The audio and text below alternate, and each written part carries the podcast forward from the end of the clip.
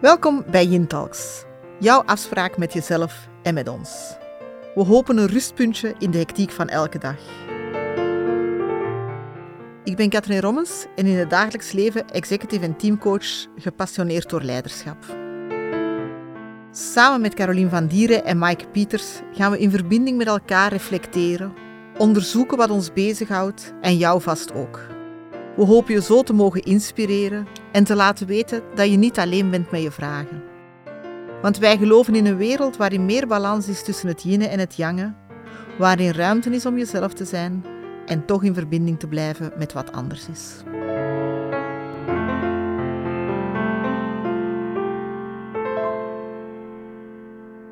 Welkom bij de proloog van Yin Talks, een podcast vol verbindende gesprekken over leven, liefde en leiderschap.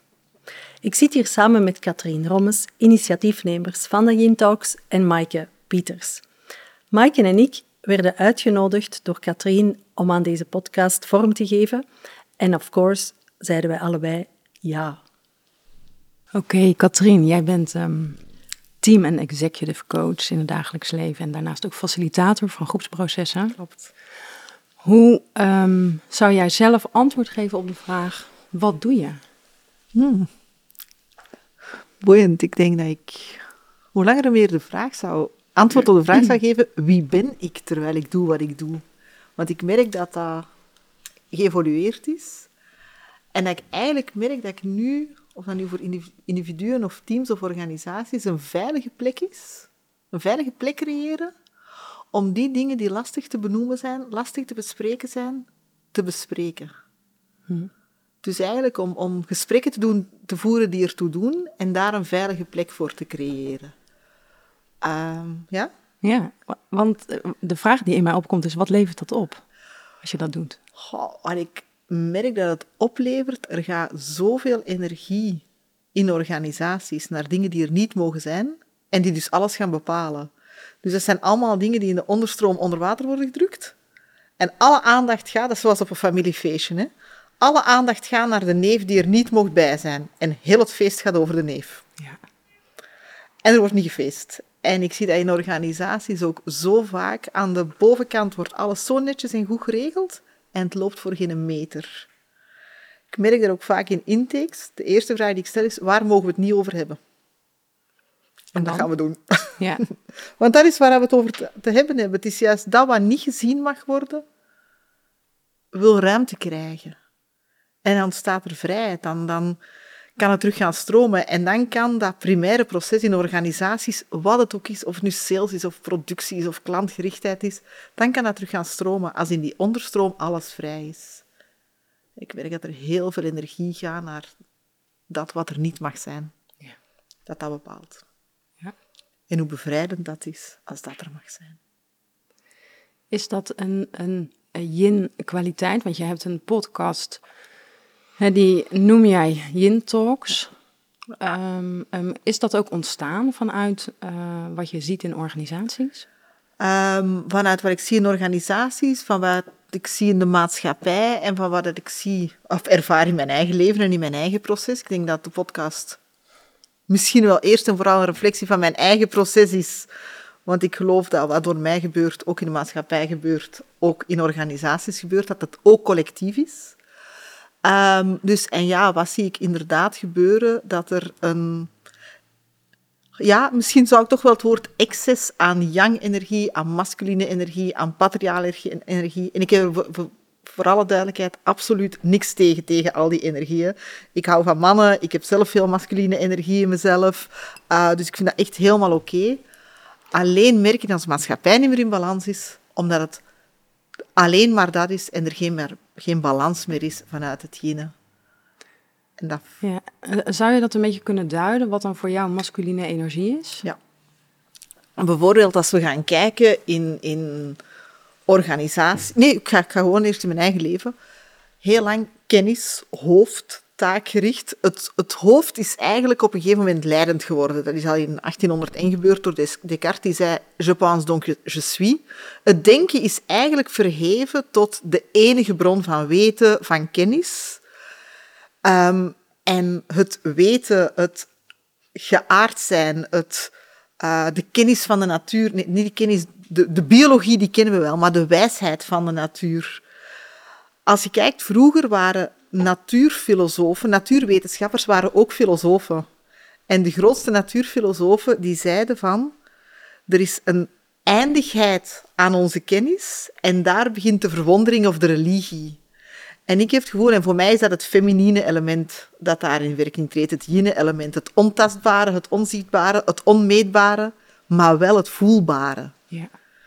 En dat is voor mij waar we in een splitsing zijn gekomen in onze maatschappij, met alle gevolgen van dien. En ik heb die splitsing ook in mijn eigen leven ervaren. En ik zie de pijn van de organisaties, ik zie de pijn van mezelf, ik voel de pijn van mezelf, ik zie de pijn rondom mij heen van die afscheiding. Dus het is eigenlijk die twee terug samenbrengen.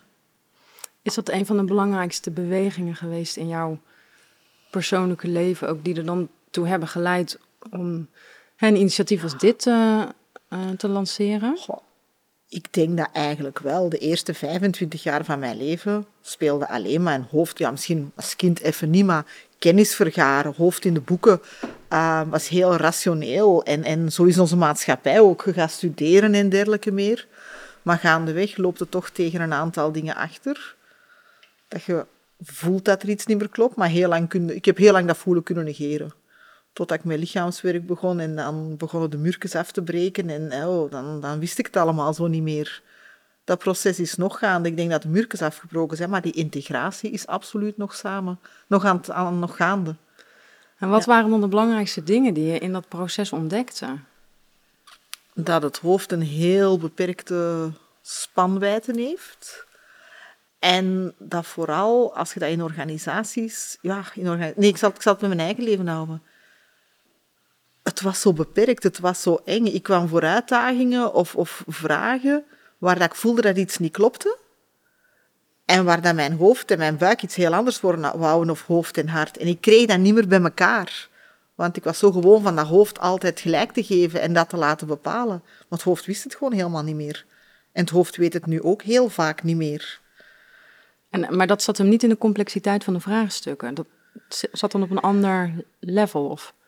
Ik denk dat de, complexiteit van de vraagstukken vraagt dat we er met heel ons wezen aanwezig zijn. Um, eenvoudige problemen die kunnen perfect met het hoofd worden opgelost. Als je gewoon van A naar B moet, dan moet je gewoon een plan maken en dan geraakt het daar wel. Maar er zijn nog heel veel of heel weinig problemen waar punt B vast ligt en waar we de weg voor kennen. En ik denk dat dat gaat over, over mijn eigen leven. Ik weet het allemaal eigenlijk niet. Voor zover ik weet worden we allemaal naakt geboren. En heeft niemand de gebruiksaanwijzing opgespeld gekregen, zo moet het. En we proberen dat allemaal wat hanteerbaar te maken door wat regeltjes en spelregels vast te leggen, maar dat is hoofdwerk. En ik kom er hoe langer hoe meer achter dat ik weet het niet vaak het mooiste antwoord is dat we kunnen geven op een vraag. Want dan blijven we onderzoeken. Ja. Dan blijven we gaan. En als je denkt dat je het weet, u afvragen, is het waar of is er nog iets? En wat nog? Ik vind eigenlijk en wat nog een heel mooie vraag. En wat nog? Ja. Waar leidt dat toe? Ehm, tot meer vragen. Maar ook tot meer rust in de vragen. En tot meer bereidheid om, om die vragen aan te gaan. Ehm, en het leidt ook tot heel nieuwe wegen. Het eerste antwoord is zelden het beste antwoord dat is het eerste antwoord dat opkomt. En dat zie ik in mijn eigen leven, maar ook in organisaties. Heel vaak zeggen we, ah, we hebben een antwoord, we gaan dat doen. En heel snel naar dat doen gaan. En ik merk hoe langer hoe meer, als ik zelf naar het doen ga. En doen kan gewoon zijn, iemand zegt iets en ik reageer daar onmiddellijk op. Meestal leidt dat tot een soort polarisatie. Daar ben ik altijd supergoed in geweest. Maar stap achteruit en dan pas doen. Mm of misschien helemaal niet doen. Ja. En laat dat nu misschien voor mezelf de allermoeilijkste zijn in mijn privéleven, die stap achteruit. En ik denk dat dat is wat ik in bedrijven breng. Zet eens even een stap achteruit. Ja. En misschien is het ook wel vaak zo dat ze zeggen, het grootste geschenk dat je aan de wereld geeft, is de grootste uitdaging voor jezelf. Wel, ik denk dat de stap achteruit de allergrootste uitdaging is voor mezelf. En dan kijken of er überhaupt gehandeld moet worden. En naar bedrijven denk ik juist dat dat is wat ik Piet, of dat nu aan executives is, of aan teams of een organisatie, een stap achteruit, kan je ook gewoon veel meer zien. Dat is een beetje afstand. Is dat ehm, die stap achteruit, dat link je aan yin-kwaliteit? Dat is durven stappen in dat niet weten, dat aanschouwen, dat vertragen, de tijd nemen om te voelen. Ons hoofd weet het altijd, allez, mijn hoofd weet het altijd direct, zelfs zo sneller dan dat ik het door heb. En dan zeggen, en wat nog? En gaan zakken. En gaan voeten op de grond. Ze zeggen dat ook, zet je voeten op de grond. Gaan voelen. Wat brengt mij dat nog? En hm. eigenlijk weten wij dat wel. Hè. Je komt een ruimte binnen en je voelt direct hoe de sfeer daar is. Ja. Je komt op een plek binnen waar een discussie gaande geweest is en iedereen zwijgt en je voelt direct... En wat doen we dan? Dan negeren. Want ik heb hier een agenda, een vergadering in een team. Heftige discussie geweest, of er is juist een aankondiging geweest van een herstructurering. Maar dat stond niet op de agenda van deze meeting, dus we gaan de meeting binnen alsof er niks aan de hand is. Ja, dat werkt voor geen meter. En toch zeggen we, we hebben een agenda, we moeten een agenda afwerken. En hoe komt het dat dat niet werkt? Um, omdat wij, wij denken dat alles maakbaar is. Ik denk dat dat een stukje de arrogantie van de mens is, dat wij alles kunnen maken en controleren. Maar volgens mij laat energie zich niet sturen. Ik denk dat wij hebben te leren werken met wat er is, in plaats van wat wij bedacht hebben. En als die twee samenvallen, dan ontstaat er magie. Als wat we bedacht hebben klopt met wat er is, of eerder nog, als dat wat er is, als we daar een goed plan op zetten, dan kan dat moeiteloos gaan stromen. Maar wij werken omgekeerd. Wij bedenken iets en dan moeten we dat gaan mhm. uitvoeren. En dan loopt voor geen meter en dan gaan we harder werken. Harder pushen, harder duwen. Ja. En dan is de uitnodiging van, we hebben hier een fantastisch idee, vinden we allemaal, en het werkt voor geen meter. Kunnen we een stap achteruit zetten en eens gaan kijken. Ik ga het heel concreet maken. Hè. Ik had ooit een team zelfsturing, het grote woord. Hè. En die moesten hun eigen vakantieplanning gaan opmaken. Heel goed systeem, heel goed begeleid, alle methodieken waren er. Het ging voor geen meter. Ik ga alle details besparen, maar in de groepsgesprekken gebeurde er niks. Niemand wou het erover hebben. Individuele gesprekken. En dan komen de verhalen boven van... Ik denk dat zij denkt dat ik vijf jaar geleden van haar een stuk van haar job heb afgepakt dat zij graag deed. En zolang we het daar niet gaan over hebben, gaat die vakantieplanning nooit goed komen. Ja, dus je hebt te bewegen naar een andere laag om Dat, het probleem wat er ligt op te lossen. En dat zijn volgens mij die inkwaliteiten. Je hebt in elke organisatie een primair proces en wij zijn zo slim geworden. Die primaire processen zijn in quasi alle organisaties supergoed geregeld. Maar de bedding waarin dat proces kan stromen, als die vol verstrikkingen zit, stroomt dat gewoon niet. En het is in die bedding durven duiken, daar waar de haaien zitten, daar waar we niet naar mhm. durven kijken. Dat vraagt vertragen, verzachten. Het niet weten, want als ik al weet wat het is, ja, dan kan ik niet meer gaan kijken. Ja. En het openstaan, ik denk dat dat ook nog wel belangrijk is, dat het en, en, en, en, en kan zijn. Dat er niet één waarheid is. In een primair proces is er vaak een lineair ingenieursdenken, er is maar één manier. Maar in die verstrikking, er is en, en, en. En die polariteiten ook in onszelf omarmen. Ik woon op een heerlijke plek in Antwerpen. Ik vind echt waar dat kinderen buiten moeten kunnen spelen in een stad. En ik vind het verschrikkelijk dat die speeltuin onder mijn terras staat. En beide zijn waar. En dat omarmen en mij dan gaan verhouden tot hoe ga ik daar nu mee om? Er is geen oplossing. Ik weet niet of het dat duidelijk ja. maakt, wat ik bedoel met die en, en, en, en die bedding en nou, zeg jij dan eigenlijk dat de masculine energie zit hem in de laag van het doen en in de uitvoering. Ja. En dat de feminine energie, dus yin, uh, zit hem dan in de bedding en in dat wat er uh, onder water uh, beweegt en leeft. Ja. Uiteindelijk is het die onderstroom die de richting gaat bepalen. En we hebben beide nodig, want een bedding waar geen water doorstroomt, ja, daar heeft ook niks aan. Hè? Nee, dus het heeft is, ook geen richting. Heeft ook dus geen gaat richting. alle kanten op. Ja, dus het is, ja, hoewel ik wel denk dat de bedding richting geeft, een bedding van een rivier geeft wel een stukje de richting. Dus ik denk inderdaad dat, het, dat we misschien moeten gaan naar de omgekeerde beweging. Niet doen en dan kijken. Ja, nee, doen, doen, doen. Ik denk dat dat de voornaamste beweging is die we nu maken. En ook ik heb die heel lang gemaakt. Maar eerst gaan afstand nemen en kijken wat er wil gebeuren. Niet wat ik wil dat gebeurt. Het is heel subtiel, hè? maar het verschil tussen ik wil en wat wil door mij. En dan gaan handelen. Er moeten nog altijd dingen gedaan worden. Is er voor jou dan een keerpunt geweest? Of is het meer een proces geweest dat je zegt van... hé, hey, deze beweging Ehm, is ergens gekeerd? goh. Als we zeggen dat de bedding een, een verdieping is, een afdaling is, zou ik denken, het is met trapjes gegaan naar beneden. En elke, daar gaan we het waarschijnlijk in de podcast uitgebreid over hebben, vaak is pijn elke keer een stukje dieper afdalen in die bedding. Is iets wat pijn doet, is iets wat je raakt, een dieper afdaling. Soms zijn er stukken dat puur als vrije val voelt. Ja. De laatste jaren hebben voor mij wel heel fel doen voelen ehm, dat wat mijn hoofd ziet en wat aan mijn hoofd verteld wordt en wat mijn lichaam voelt, dat dat niet meer bij elkaar in. Ik denk dat de laatste jaren wel mij gemotiveerd hebben veel meer naar mijn gevoel te durven gaan en te durven vertrouwen. In plaats van dat wat ik weet of wat gezegd wordt. ja.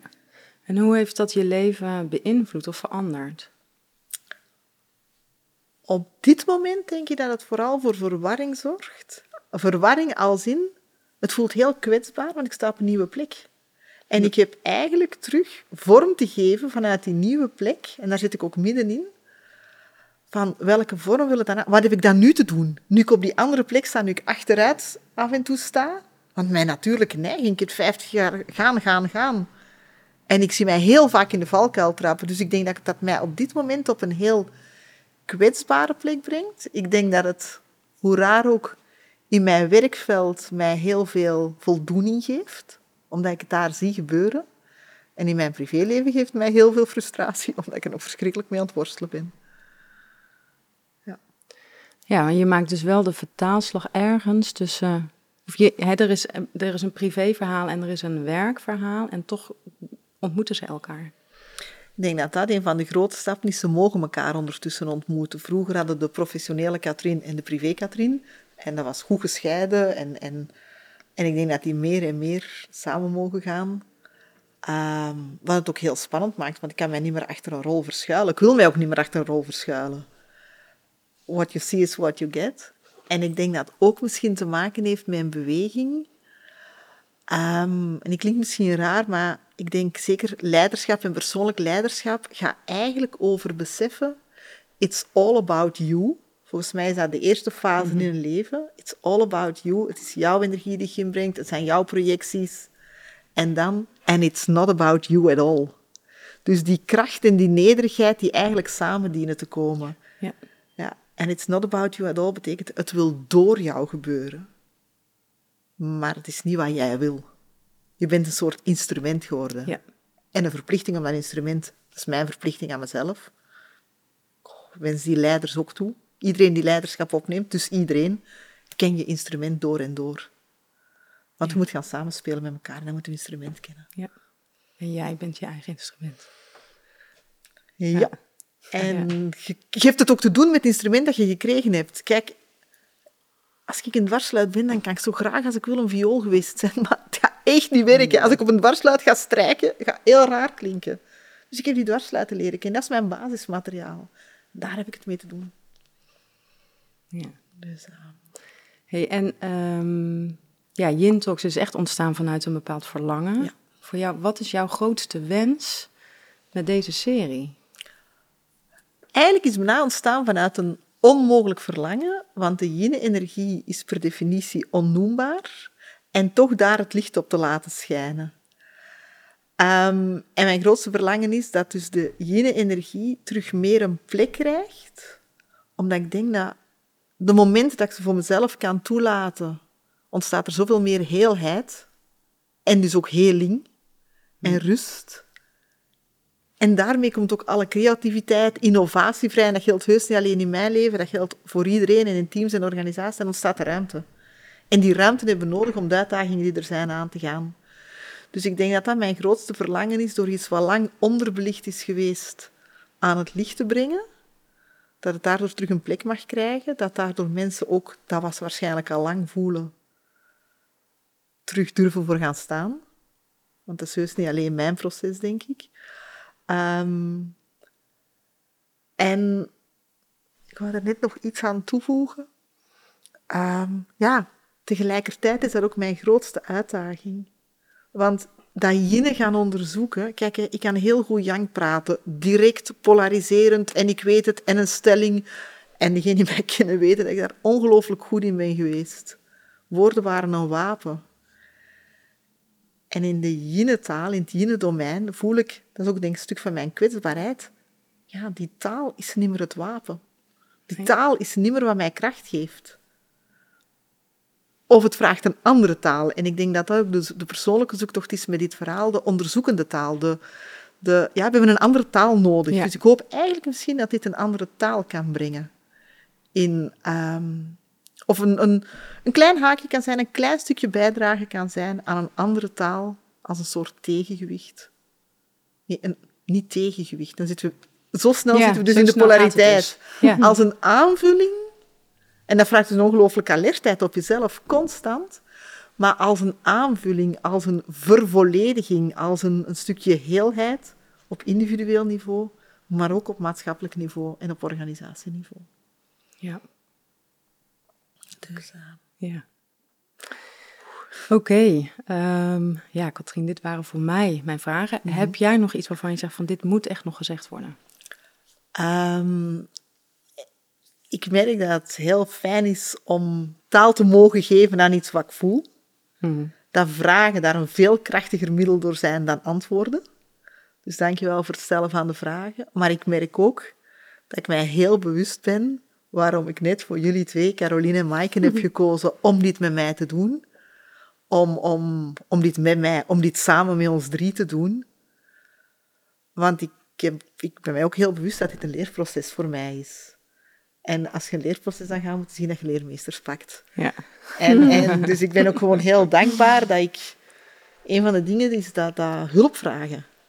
Is weten waar dat je naar verlangt, maar misschien nog niet goed in zijn.